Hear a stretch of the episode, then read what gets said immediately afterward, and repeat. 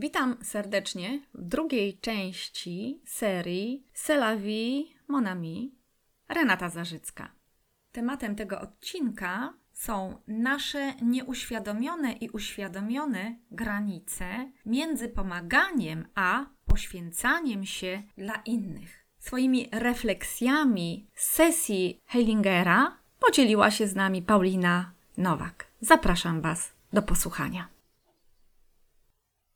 Dla mnie partner ma być moim towarzyszem do życia, do, do budowania takiego imperium własnego domu i własnych takich wartości, ale nie powielać schematów. Przykre jest to, ale moi rodzice żyją jak ty z kotem.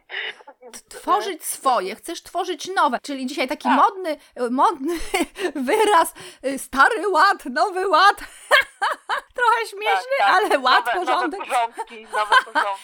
Więc y, Dokładnie. w zasadzie my udało nam się bardzo fajnie wypracować, że stary ład został w przeszłości, za plecami i samo to wyszło też na tych karteczkach, w tym kładzie, w panoramie społecznej. To samo się tworzyło, że w pewnym momencie przepracowując właśnie te dwie osoby na drodze, mogłaś zostawić cały stary ład, żeby tworzyć nowy swój porządek, swojego własnego świata.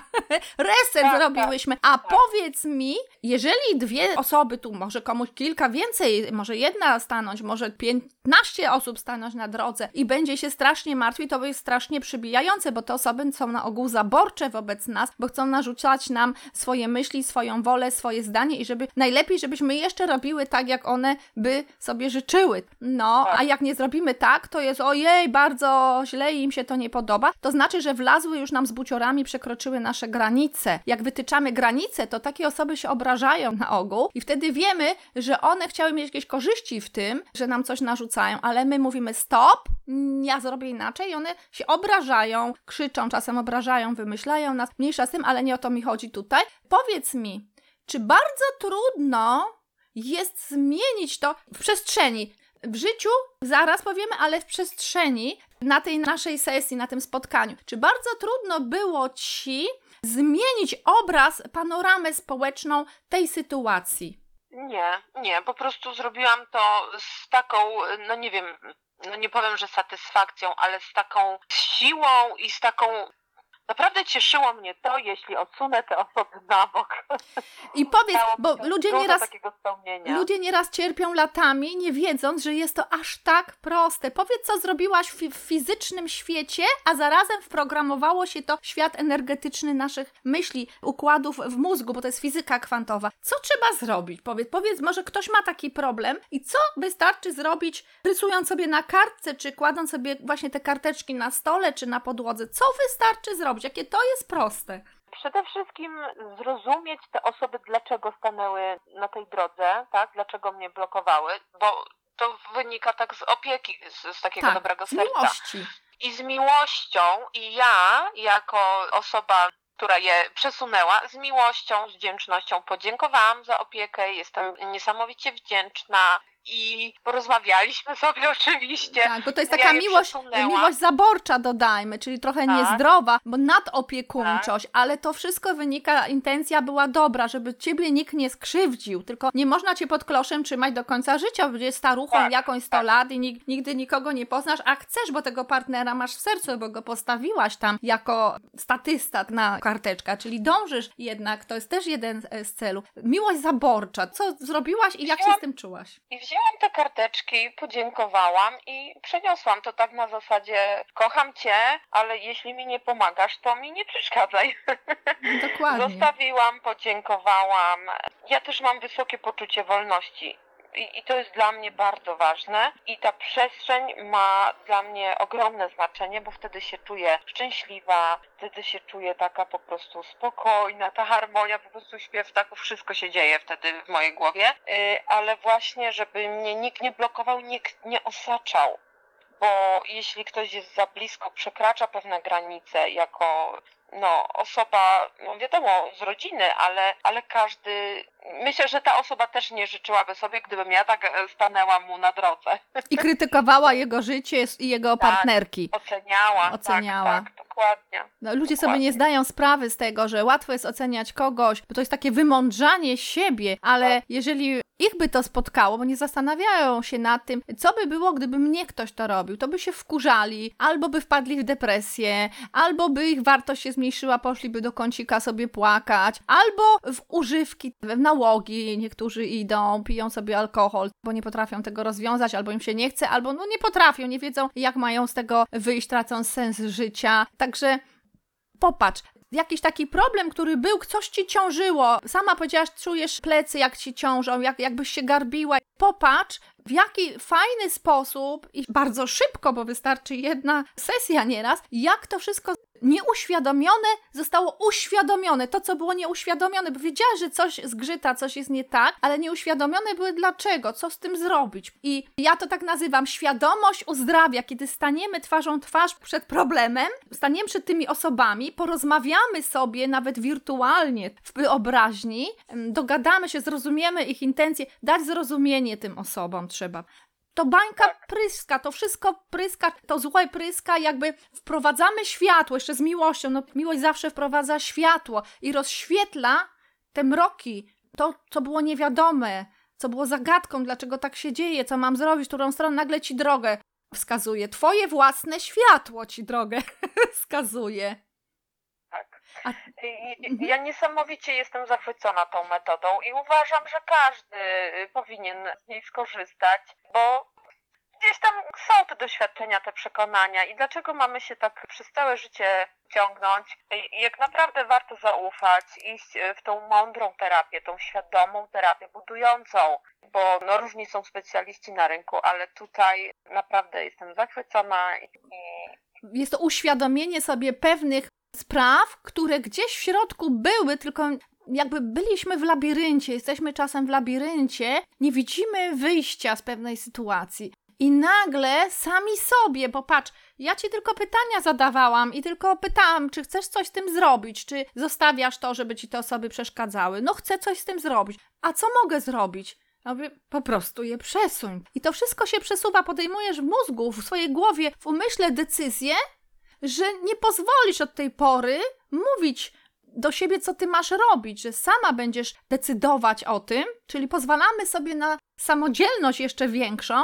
Byłaś sama, ale okazało się, że nie zawsze, bo zawsze gdzieś to dziecko nam, że jesteśmy dzieckiem rodziców, trzeba słuchać. To dziecko nam gdzieś ciąży, a jak kończymy 18 lat, to już powoli nie stajemy się tym dzieckiem, wchodzimy w wiek dojrzały, ale to jeszcze za mało jest. Potrzebujemy mieć swoje finanse. Wtedy jesteśmy partnerami z rodzicami. Partnerami, czyli ten pułap rodzic nade mną i ja już znika. Jesteśmy partnerami. Bardzo często dzieci są w wielu aspektach mądrzejsze dzisiaj od rodziców, na przykład w technologii. Ja swoich dzieci zawsze pytam o technologiczne sprawy. Tu nie będę dla nich autorytetem, ale jestem autorytetem w innej przestrzeni i jest bardzo piękna y, wymiana. Natomiast ważne, żeby zrozumieć, że jak mam 30-40 lat, to ja nie słucham mamy i taty jako tako, chyba że ja potrzebuję ich rady, wtedy ja pozwalam im powiedzieć coś na ten temat, bo nie wiem, w którą stronę może coś mi podpowiedzą, ale nie słucham, jak oni mi narzucają, bo ja jestem samodzielna.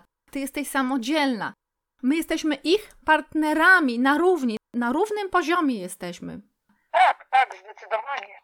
Był czas, y, gdzie to rolą rodzica była nauka, ale jest w pewnym momencie odcięcie pępowiny i wtedy dziecko traktuje się jako, tak jak mówisz, partnera, tak? To już Tak. jest zaufanie. Ile moją rolą było przekazać wartości, mądrość i stworzyć coś pięknego, w sensie tego dziecka mentalnie, ale teraz ono jest już gotowe do samodzielnego życia. Dać wolną rękę To, to do tak jak swojej przestrzeni. To tak jak w przyrodzie, przecież podglądajmy przyrodę, zwierzęta. Nikt nie będzie niańczył tego pisklaka w gnieździe nie wiadomo ile, bo przecież jak będzie tam dwa, trzy pisklaki, dorosłe już takie dzieciaki, i jeszcze rodzice, to w końcu się nie zmieszczą w tym gnieździe. Jest czas założyć swoje gniazda dla tych No dzieci. dokładnie. Także w przyrodzie Dokładnie. żadne zwierzęta nie niańczą się całe życie. Jeżeli się karmi piersią, mleko matki się pije, to do jakiegoś czasu niemowlęcego, a później jak już samodzielnie to zwierzę będzie jadło, to ono już usamodzielnia się, uczy się instynktów od rodziców, od mamy, podgląda zachowania swojego gatunku po to, żeby się nauczyć samodzielności. Jest w pełni samodzielne, dwie pełni samodzielne jednostki łączą zwierzęta ze sobą. I czasem są pary niesamowite do końca życia, tak jak u bocianów. Także to jest coś niesamowitego. Natomiast u ludzi bywa różnie. Nasze nieraz problemy, wydawałoby się problem, bo problemy to są wyzwania. Ja nazywam problemy wyzwaniami. Dostajemy wyzwania od życia i te wyzwania nieraz polegają właśnie na tym, że przychodzą do nas różne osoby dla nas jakby trudne. One ani trudne, ani łatwe, normalne, tylko z takimi zadaniami trudnymi, na przykład zaborcze są w stosunku do nas. I to jest nasze wyzwanie, jak nauczyć się asertywności? Czy będziemy niewolnikami tych osób nagle i będziemy słuchać i wejdziemy w kompleksy i zarzutuje to na nasze życie? Czy będziemy potrafili się przeciwstawić temu, asertywnie wytyczyć granice i pójść dalej? Ale to wszystko są takie sprawdziany życiowe. Jak ty uważasz? Czy też tak odczuwasz pewne rzeczy, na których się uczymy? My mamy się nauczyć na tym wszystkim. Wybieramy takich rodziców, jakby jak to się mówi nieraz, że dusza wybiera rodziców, żeby się nauczyć. I nauczyć o sobie przede wszystkim, jak jestem silna. Tak, no to zdecydowanie to, co powiedziałaś. Ja tutaj jeszcze mogę dodać takie inne mam spostrzeżenie całkowicie.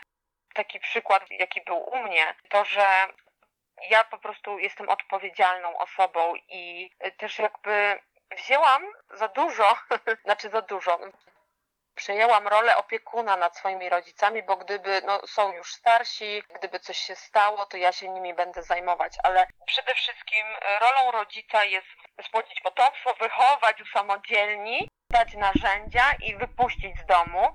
I wtedy po wypuszczeniu dzieci z domu jest czas na zagospodarowanie i zabezpieczenie swojej przyszłości. Czyli ty, rodzicu, nie obarczaj dziecka swoją przyszłością, bo wiadomo, starość każdego nas czeka, dzieci też Tak, się zestarzeją, ale to ty musisz mądrze zagospodarować z sobą swoją przyszłością, żebyś się zabezpieczył. Dziecko może się tobą opiekować, ale nie zmuszaj do tego. Nie każ mu, że za wszelką cenę, jakby się coś stało, to ty masz siedzieć, mą się zajmować, bo to na przykład mnie pozbawiło. Czułam się na tak odpowiedzialna, że no po prostu jakby zaniechałam budowanie swojej rodziny na rzecz tego, że muszę się opiekować rodzicami, prawda? W takiej sytuacji jest bardzo, bardzo dużo osób. Jest to niezrozumienie sytuacji, co jest różnicą między pomaganiem, gdzie jest granica między pomaganiem a poświęceniem siebie dla innych. To, co mówiliśmy wcześniej, ty się zatraciłaś. Ciebie nie było przez Tak. chwilę.